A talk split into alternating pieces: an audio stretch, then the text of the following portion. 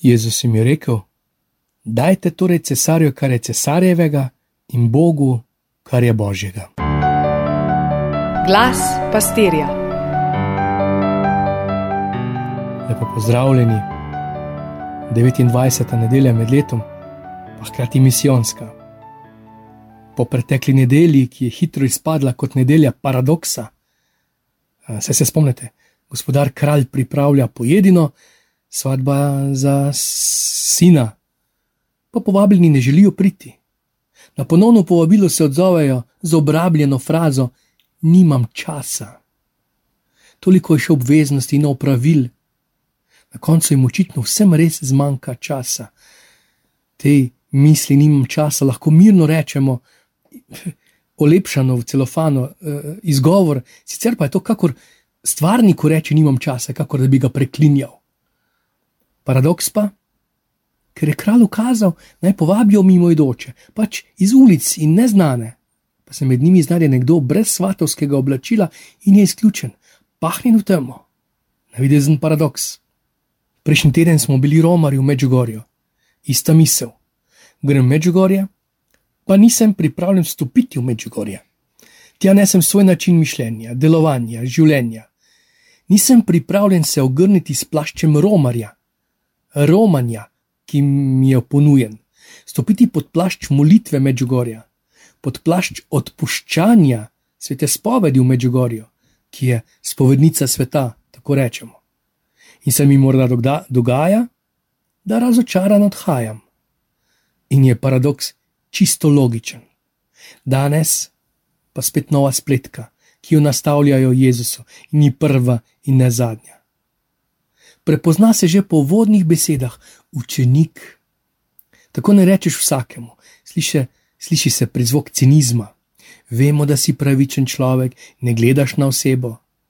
Kakor da bi hoteli reči, morda te še ne moremo zapeljati v malikovanje, lahko pa te zavedemo v nasprotovanje samemu sebi ali celo državnim zakonom. Jezus ni brez plašča človečnosti, prevzel si je človeško naravo. Tu ni samo navidezno Bog, še manj navidezno človek. Pozna človeško naravo. Med apostole je povabil pobiralce davkov, torej človeka, ki je bil uslužbenec okupatorja, človeka, ki je živel iz zaslužka z denarjem. In to je, poznamo Mateja in Simona Gorečnika, ki je bil preganjalec okupatorja, tudi za ceno smrtnih žrtev. Pa sta oba postala sobrata, oznanjevalca, pričevalca, mučenca oba sta oblekla plašč tega povabila evangelija. Nista ga imela oblečenega samo v družbi Jezusa, postala sta prava svata.